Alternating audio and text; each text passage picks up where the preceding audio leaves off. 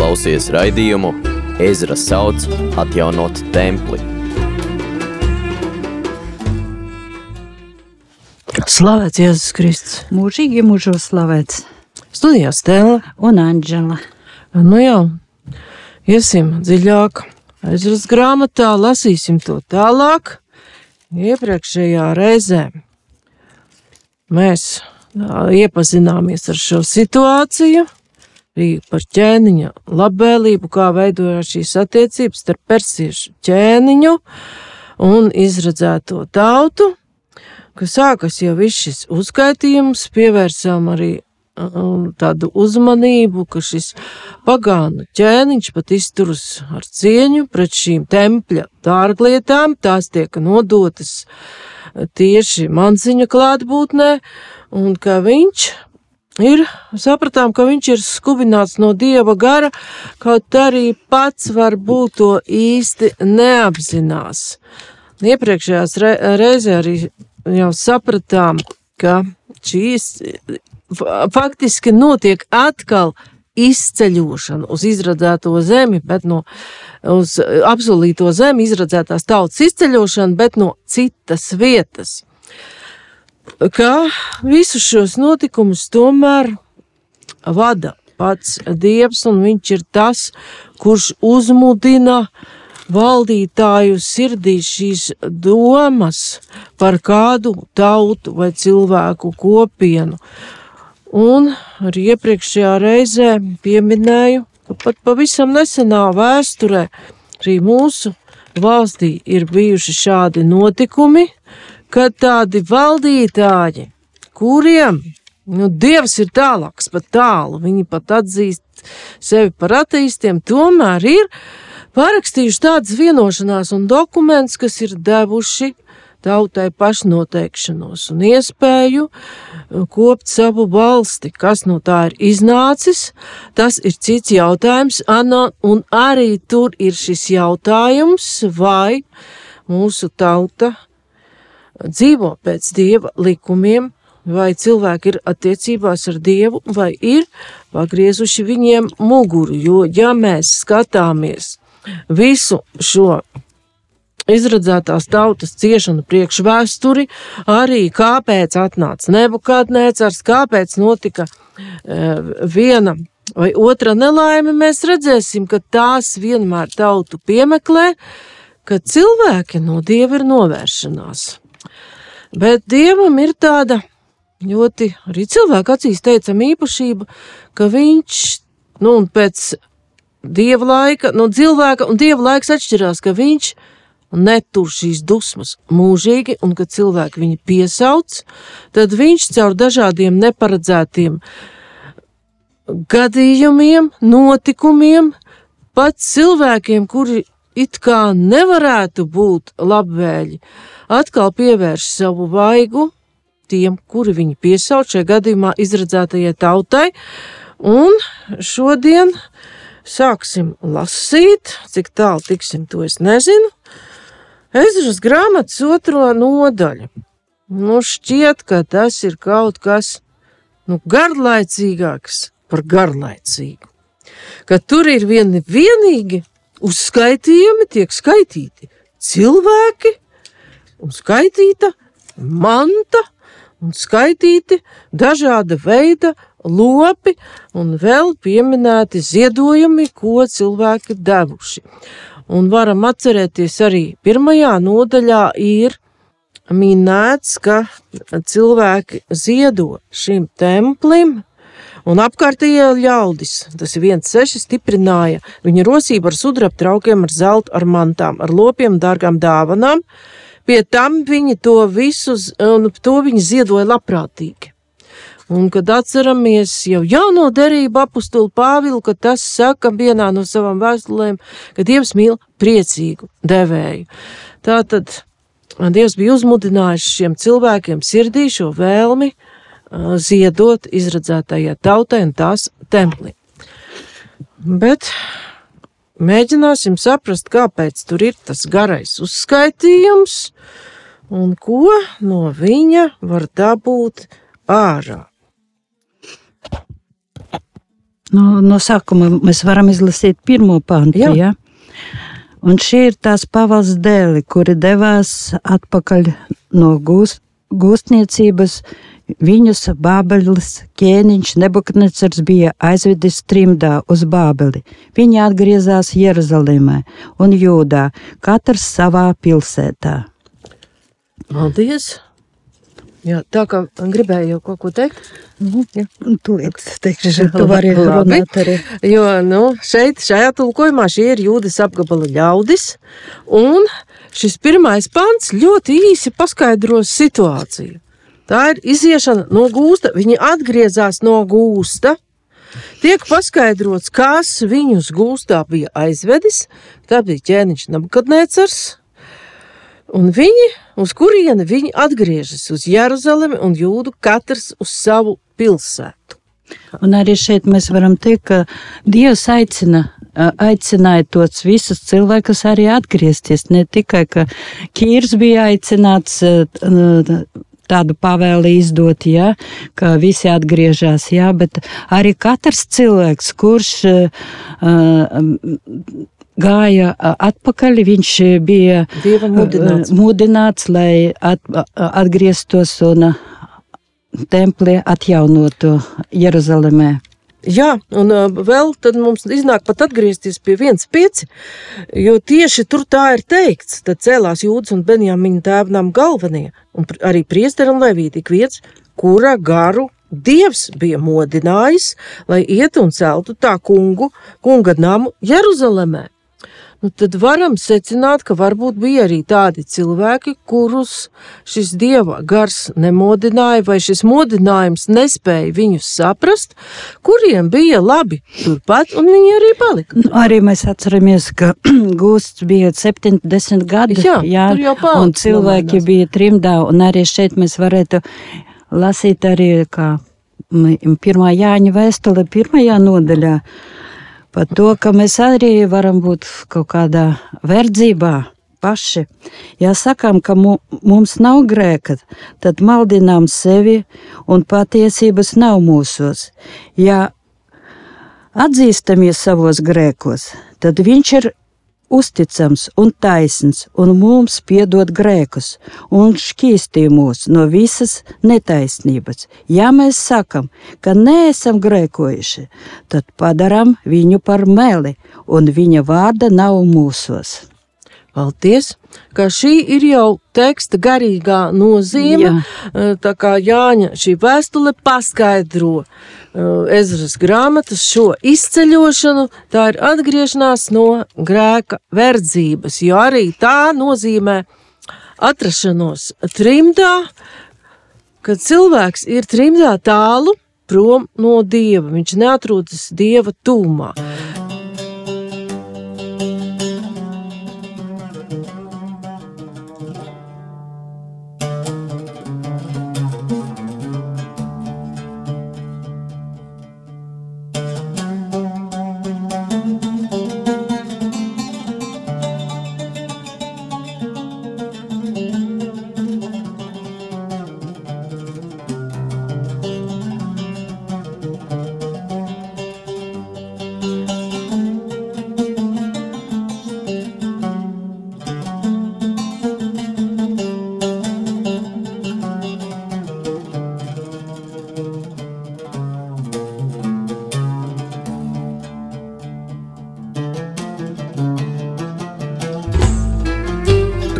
Tu klausies raidījumu Ezra sauc atjaunot templi.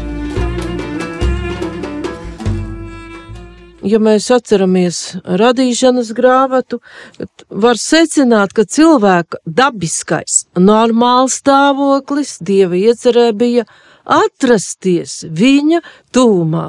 Tā ir normālā situācija, ir dzīve kopā ar dievu, bet caur grēku cilvēks aiziet trimdā prom no dieva. Un eh, šeit vēl varam izlasīt arī no jaunās derības apustuļu darbiem, jā, ka um, apustulis Pēteris devās pie Korn, eh, Kornēlija. Jā, Ja pagānu virsnieks. Jā, Jā. un šeit eh, desmitajā nodaļā Pēterim ienākot Kornēlijs devās viņam pretī un viņu sveicinādams metās pie viņa kājām. Bet Pēteris viņu piecēla, sacīdams: Celies augšā, arī es esmu tikai cilvēks. Runādamies, viņi iegāja iekšā un ieraudzīja daudz sapulcējušos. Pēters tiem teica: Jūs zināt, ka jūdiem nav atļauts sajieties ar svešu tautieti vai ieiet tā mājā, bet Dievs man ir parādījis, ka nevienu cilvēku nevajag saukt par apgānītu vai nešķīstu. Tādēļ es neiebildu, kad mani aicināja un nācu šurp. Tad nu gribu zināt, kādēļ jūs mani paaicinājāt. Kornelijas atbildēja: Pirms četrām dienām, kad es savā namā tāpat ap devīto stundu lūdzu Dievu, redz vīrs baltās drēbēs, nostājās manā priekšā un sacīja: Kornelija, tava lūkšana ir uzklausīta, un tavi žēlsirdības darbi ir pieminēti Dieva priekšā. Tādēļ sūti kādu uz Jafu un liec aicināt Sīmoni, kam pie, pievārds Pēteris, un kas apmeties Sīmaņa atmiņa namā pie jūras. Tādēļ es tūlīt sūtīju pēc tevis, un tu darīji labi, ka atnāci. Tagad mēs visi esam Dieva priekšā, lai uzklausītu visu, ko Kungs tev ir pavēlējis. Paldies! Un varētu likties, ka šim stāstam ir sakars ar ezers grāmatu, bet garīgā skaidrojumā ir gan, jo tur ir viens ļoti svarīgi, divi svarīgi pateikumi. Tad eh, virsnieks Kornelijs, nu, pagānu romiešu virsnieks, nu kāds viņam tur sakars ir ar jūdu ticību vai dievu vai vēl nesko. Viņš lūdzis dievu, ir rakstīts svētajos rakstos, ka šis virsnieks ir lūdzis Dievu. Iespējams, ka viņš lūdza šo vecās derības Dievu, vai kā nu viņš to pats saprata, bet viņam bija šis noģēgums par kādu, kas ir daudz augstāks par viņu. Un tā kā Jūdē bija Romas impērijas province, tad ar vecās derības reliģiju, viņam acīm redzot, kāda saskara bija. Nu, lūdzis Dievu, bet kas tiek pieminēts Dieva priekšā? No kā var saprast, ka šis Kornēlijs jau bija izgājis no tādas grēka verdzības?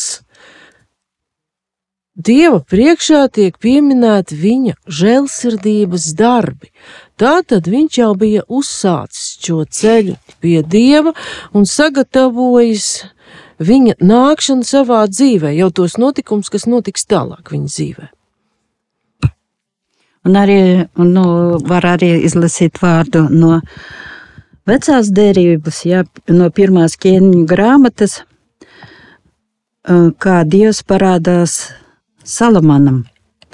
Un kungs viņam sacīja: Es esmu dzirdējis tavu lūgšanu un pielūgšanu, ko tu izlūdzies manā priekšā. Es esmu svētījis šo namu, kur tu uzcēli, lai liktu tur mājot savam vārdam uz mūžiem, un manas acis un mana sirds būs tur vienmēr. Paldies! Arī šeit mēs redzam to, ka tiek uzklausīta lūkšana.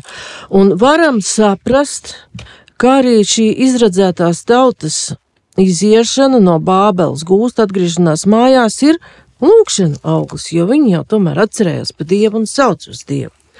Un tagad mēs nedaudz varam arī paskatīties to vēsturisko un varbūt pat tehnisko pusi, kas nu, varbūt nav tik interesanta, bet tomēr atklājas arī tur daudzas lietas, kas ved mūs dziļākā dieva vārda izpratnē. Tas uzskaitījums ir ļoti līdzīgs tām, kurš ir Nehemijas grāmatā, 7. nodaļā, no 4. līdz 73. pantam. Un Atšķirības ir nelielas, cilvēku skaitā, nu vairāk tur to atšķirību ir, ja mēs sāktu skaitīt tur priestaru, tēps un dzīvnieks un ko, bet šis uzskaitījums mums šajā gadījumā nav tik būtisks, jo saprotam, ka tie cilvēki no sirds deva to, ko vēlējās dot dieva godam. Negamijas grāmatā ir rakstīts pirmajā personā. Bet 7. nodaļā, 5. pantā, ir norādīts uz kādu sarakstu, kurš iespējams ir domāts šitais, kuru mēs lasām, šis, kuru lasām, Un kā jau iepriekš minēju, kad kādreiz Nehemijas un Ezras grāmata bija viena. Vienība, viena grāmata.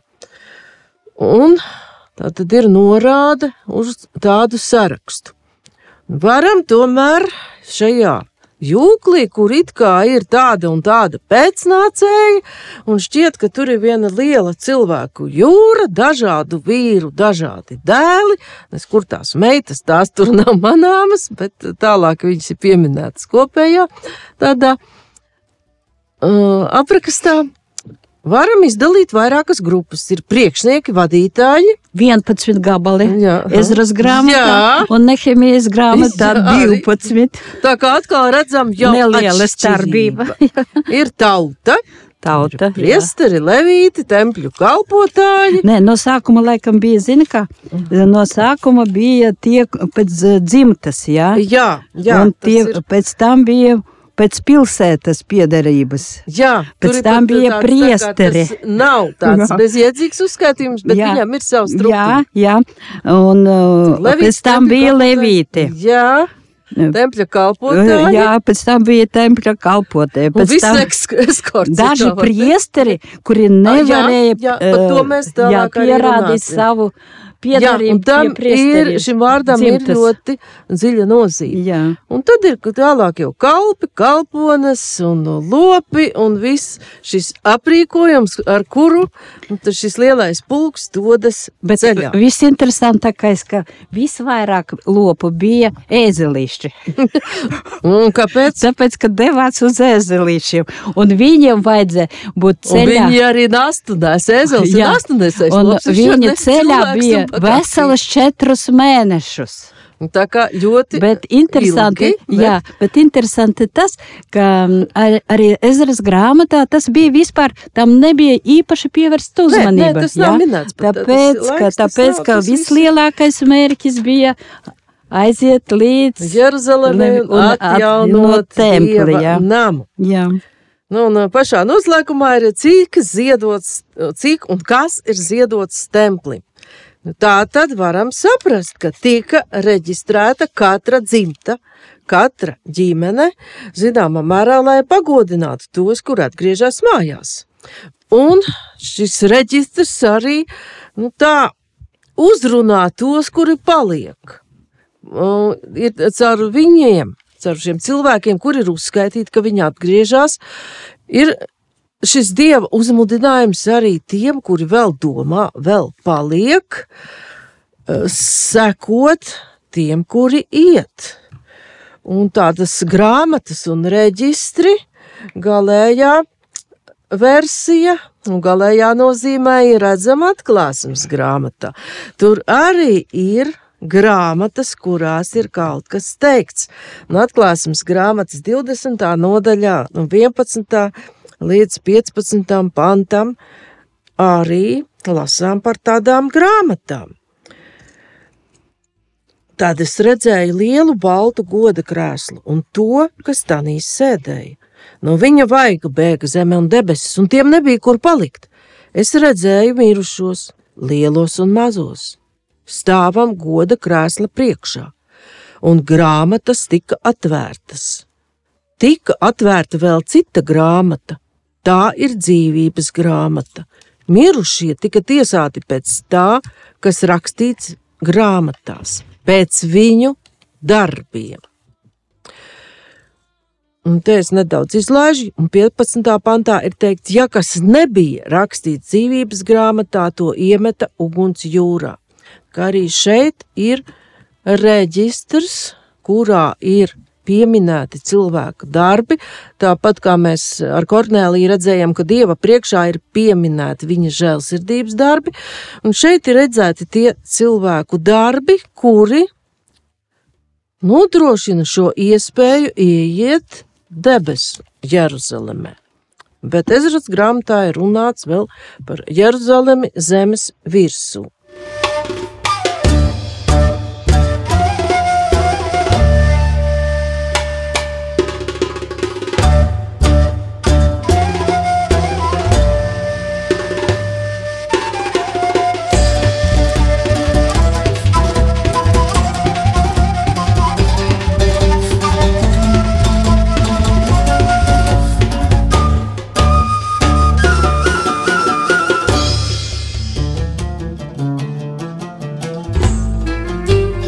Klausies raidījumu Ezra sauc atjaunot templi.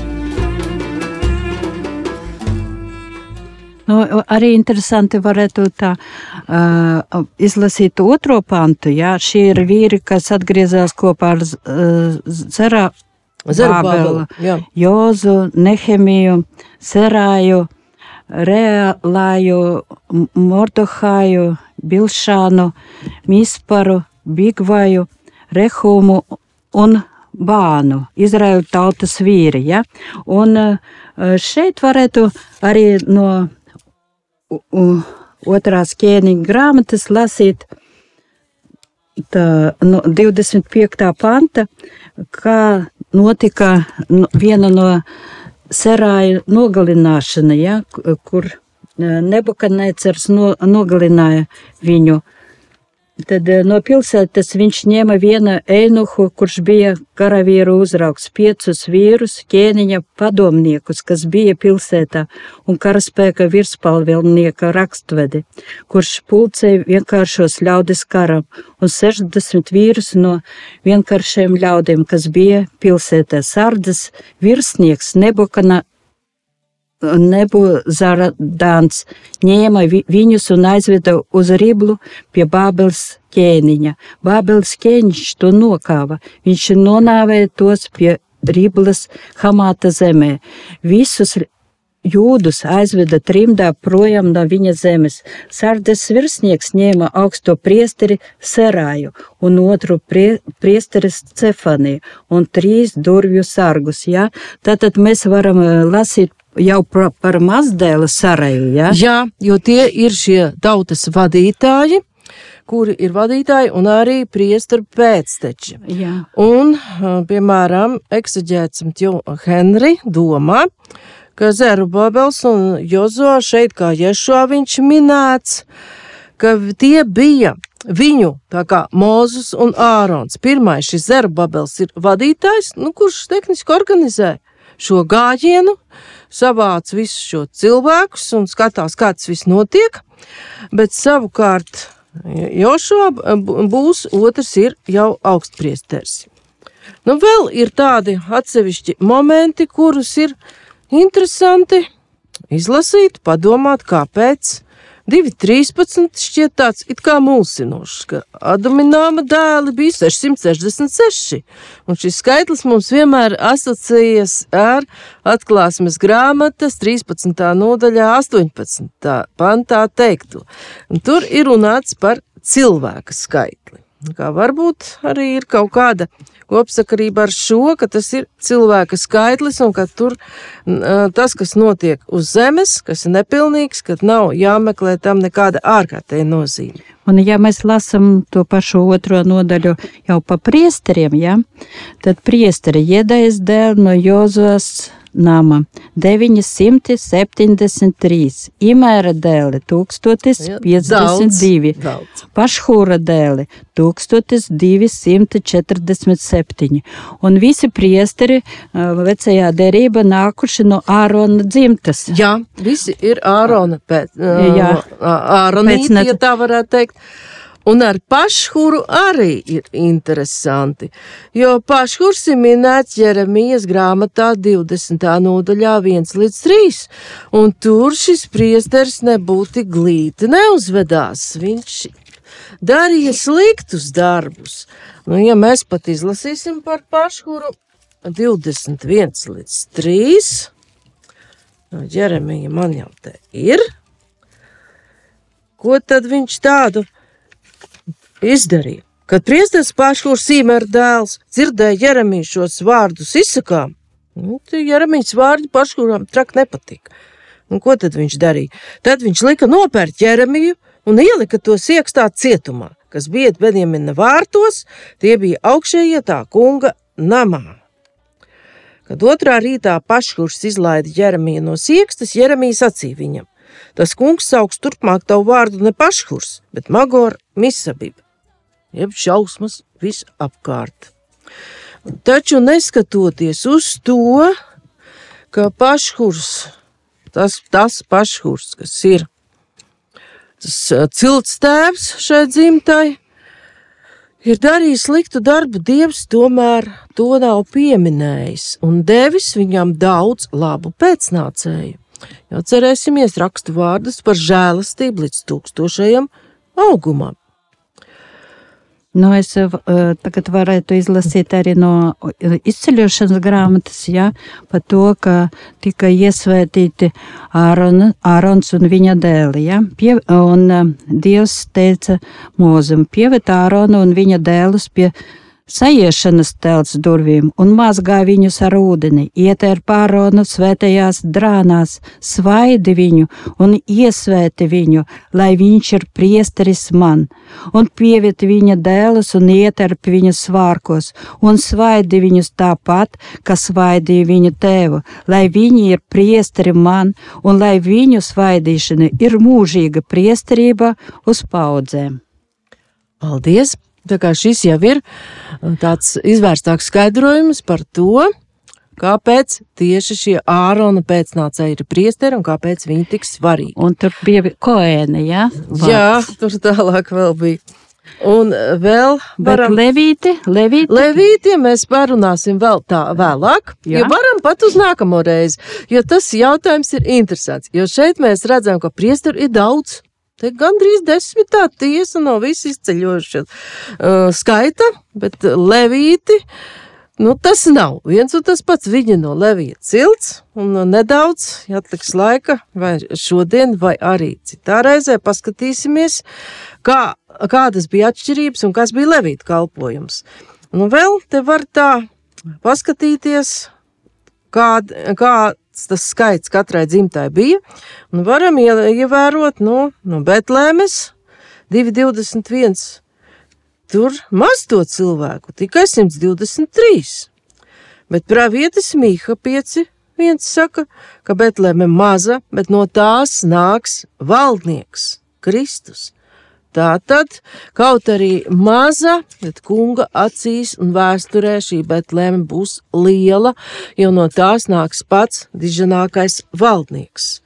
Nu, vēl 2,23 redzam, ka Anatotas vīru ir maz, tikai 128. Un salīdzinām to priestaru pēcteču skaitu, kur nu pat lasījām, nu kas ir 128 vīri. Nu, iespējams, ka tās ir sekas tomēr dievišķajām dusmām. Nu, ja pašhura darbus dievs tomēr nebija tā pieminējis, Anatotas vīru darbus tomēr kungs pieminēja. Vai mūsu pašu grēku sekas? Jeremijas vajāšanu. nu, mūsu pašu grēku sekas varētu būt kolektīvā grēka sekas, jo mēs vēl toreiz nebijām mēs, pasaulē. Mēs jau, mēs jau katrs, arī ebreju tauta dēļ tā, ka uh, nav tik vienkārši visiem atgriezties, ja mēs ja, ilgstošu laiku esam verdzībā, ja, tad mēs esam īstie vergi. Nu, cietums tā, ka, liekas labs. Jā, un trimdā, trimdā ilgstoši dzīvot nav tik vienkārši. Kaut gan par Anatotas vīriem var teikt, ka Jeremijas 11, 21, 23 ir tādi vārdi. Tādēļ tas kungs saka par anatotas vīriem, kas tīko pēc tavas dzīvības un saka, nesludini tā kunga vārdā, ja negribi mirt no mūsu rokām. Tādēļ tā saka tas kungs Cebauts. Es redzi, es likšu viņiem to nožēlot, un es to sodīšu. Viņu jaunekļus aprīs zobens, viņu dēli un meitas nomirs badā. No tiem nekas nepaliks pāri, jo es sūtīšu nelaimi pār Anatotas vīriem viņa piemeklēšanas gadā. Nu, tā kā redzam, ka Anatotas vīriem Aicinājums šis... uz atgriešanu nebija dzirdams. Nu, šeit sadzirdams. Nav sadzirdams, un te var būt arī šī grēka raksturs, ka viņi gribēja aizliegt pravietim darboties, nesludināt. Un līdz ar to kungs acīm redzot, vērtēja stingrāk šo lietu nekā um, pašhura rīcību uh, pret ķeramību. Taču tomēr žēlastība ir stiprāka, jo Kaut gan ir šis vārds par Anatots vīru iznīcināšanu, tomēr 128 atgriežas Jeruzalemē.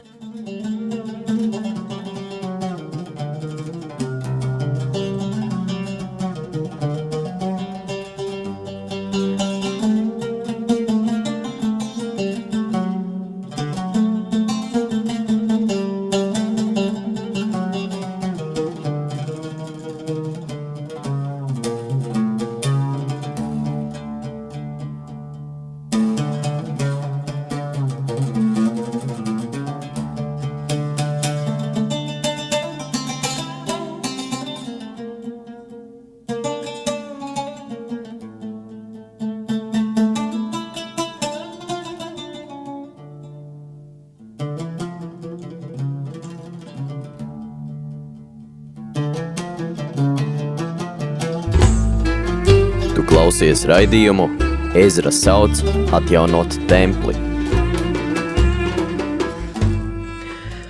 Un, ja pievēršamies jau levītiem, levīti samērā maz.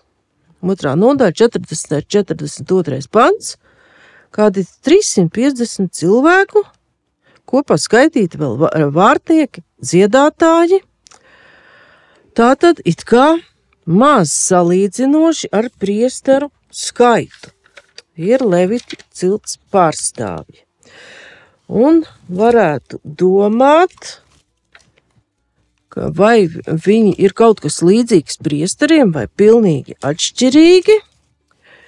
Tur nav tādas ļoti lielas skaidrības, bet ir tomēr uzskaitīti viņu pienākumi.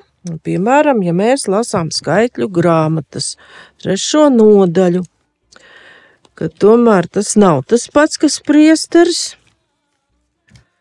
Skaitļu grāmatā Trešā nodaļā, piektā panta, ir levītu pienākumi. Un tas kungs ruzāja uz mūzu, atved šurp levija cilti un novieto to priestara āronu priekšā, lai tie viņam kalpotu. Šeit mēs ļoti skaidri jau redzam šo pakļautības kārtību.